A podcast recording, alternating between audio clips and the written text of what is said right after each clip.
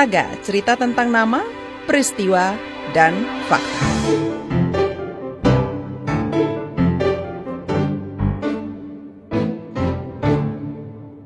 Desa Makmur di Kecamatan Pangkalan Kerinci, Kabupaten Pelalawan Riau dulu terkenal dengan pengguna narkoba. Hampir 40% pemudanya adalah pecandu.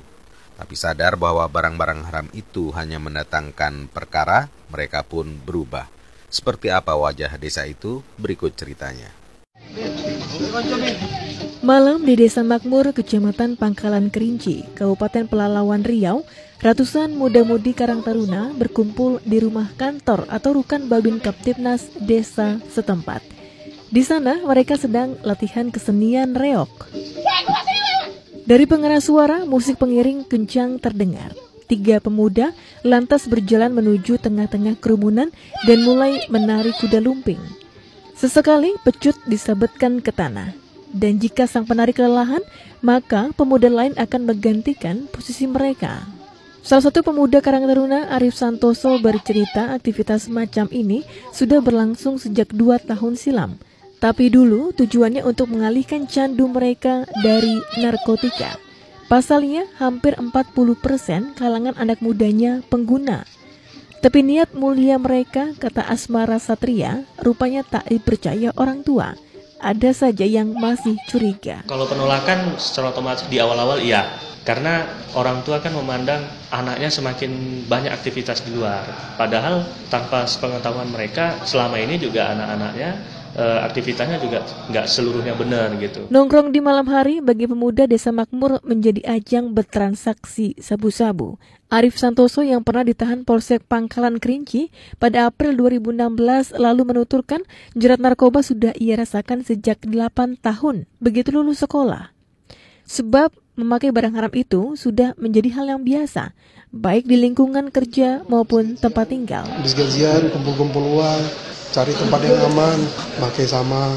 Pestanya gitu aja, nggak ada pesta apa lagi gitu. Habis gajian lima orang kumpul uang 400-400. Bukan perkara mudah pula meninggalkan asyiknya memakai narkoba. Apalagi Arif mengaku merasa rileks dan tenang. Meskipun uang yang harus dikeluarkan tak sedikit, dalam sebulan paling tidak duit yang habis 2 juta rupiah. Belum lagi persoalan di rumah tangga muncul karena gajinya ludes untuk membeli narkoba. Anak sama istri sih kak. Ketika waktu saya memakai hanya dapat gaji sekian, sama saya kasih sekian, yang sekiannya saya saya untuk memakai barang tersebut. Jadi semana bang ya? Kehancuran pokoknya memakai seperti itu bisa kehancuran rumah tangga iya juga. WMP Kamri, anggota Babin Kamtipnas Riau, mengamini pengakuan Arif dan Satria. Kata dia hampir setengah dari jumlah pemuda desa adalah bekas pecandu narkoba. Banyak menggunakan narkoba, minuman keras, lem dan komik, Mbak. Uh, ada berapa persen pemuda yang mungkin bisa dikatakan pengguna di sini? Kalau pada saat itu bisa dikatakan 40% di kalangan pemuda dan remaja yang SMA dan SMP itu pengguna komik dan lem. Tak tega melihat anak muda desanya hancur di perdaya narkoba, UMP menggagas ide berlatih kesenian reok. Sebab baginya perasaan rileks juga bisa didapatkan ketika menari. Mengapa memilih kesenian reok? Kata Satria, kesenian ini sesungguhnya pernah populer dan menjadi andalan warga setempat untuk menafkahi hidup mereka. Tapi karena tak ada generasi penerus, perlahan kesenian ini hilang. Hanya saja tak semua orang tua di desanya setuju dengan ide menghidupkan kembali reok. Apalagi ada anggapan reok identik dengan ilmu mistik.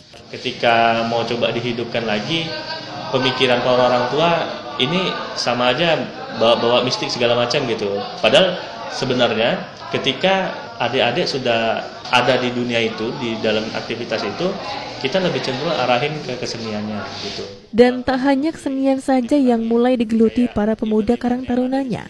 Kini mereka terus mengembangkan diri ke berbagai keahlian, semisal perkebunan, perikanan, peternakan, dan banyak lagi. Dengan bekal itu mereka bisa menggarap banyak sektor usaha, Sebab jika masih mengandalkan kebun sawit yang mulai menua, desa mereka akan mengalami krisis secara ekonomi. Kini sebagian besar penduduk desa makmur bergantung pada perkebunan sawit milik mereka. Tapi tiga tahun lagi perkebunan mereka akan memasuki masa replanting atau penggantian pohon kelapa yang biasa dilakukan setiap 20 hingga 25 tahun sekali. Itu artinya kata Satria butuh waktu tiga tahun lamanya untuk bisa memanen hasil. Karena easy money ya dapat uang mudah dari orang tua gitu kan. Terus beraktivitas sesukanya gitu. Tapi beliau juga ngasih gambaran bahwa sebenarnya masa depan kan masih panjang lagi. Kini Karang Taruna Desa Makmur mulai menyulap lahan kosong yang ada untuk menanam cabai dan ubi. Modalnya diperoleh dari para donatur desa setempat. Cara ini menurut UMP bisa memberi peluang pekerjaan kepada para pemuda desa. Kita sudah menanam ubi itu lebih kurang 2 hektar atas nama pemuda, tapi itu donaturnya bukan pemuda, donaturnya dari masyarakat tempatan yang siap untuk membiayai dan mempekerjakan pemuda, membuka sehingga dapat membuka lapangan kerja kecil.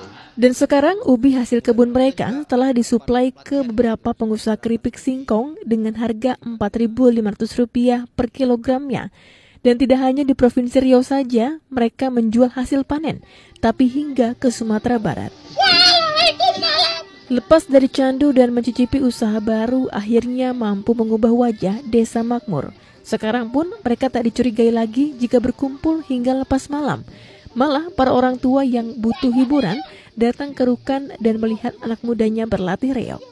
Bahkan reok yang tadinya dilarang mulai terkenal ke desa-desa lain. Semisal tiap ada hajatan warga sudah pasti menampilkan reok sebagai pengisi hiburan.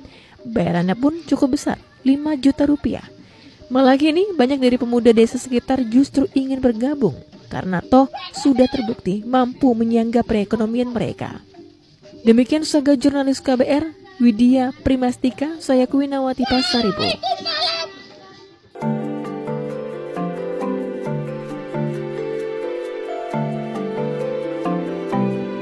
Saga, cerita tentang nama, peristiwa, dan fakta.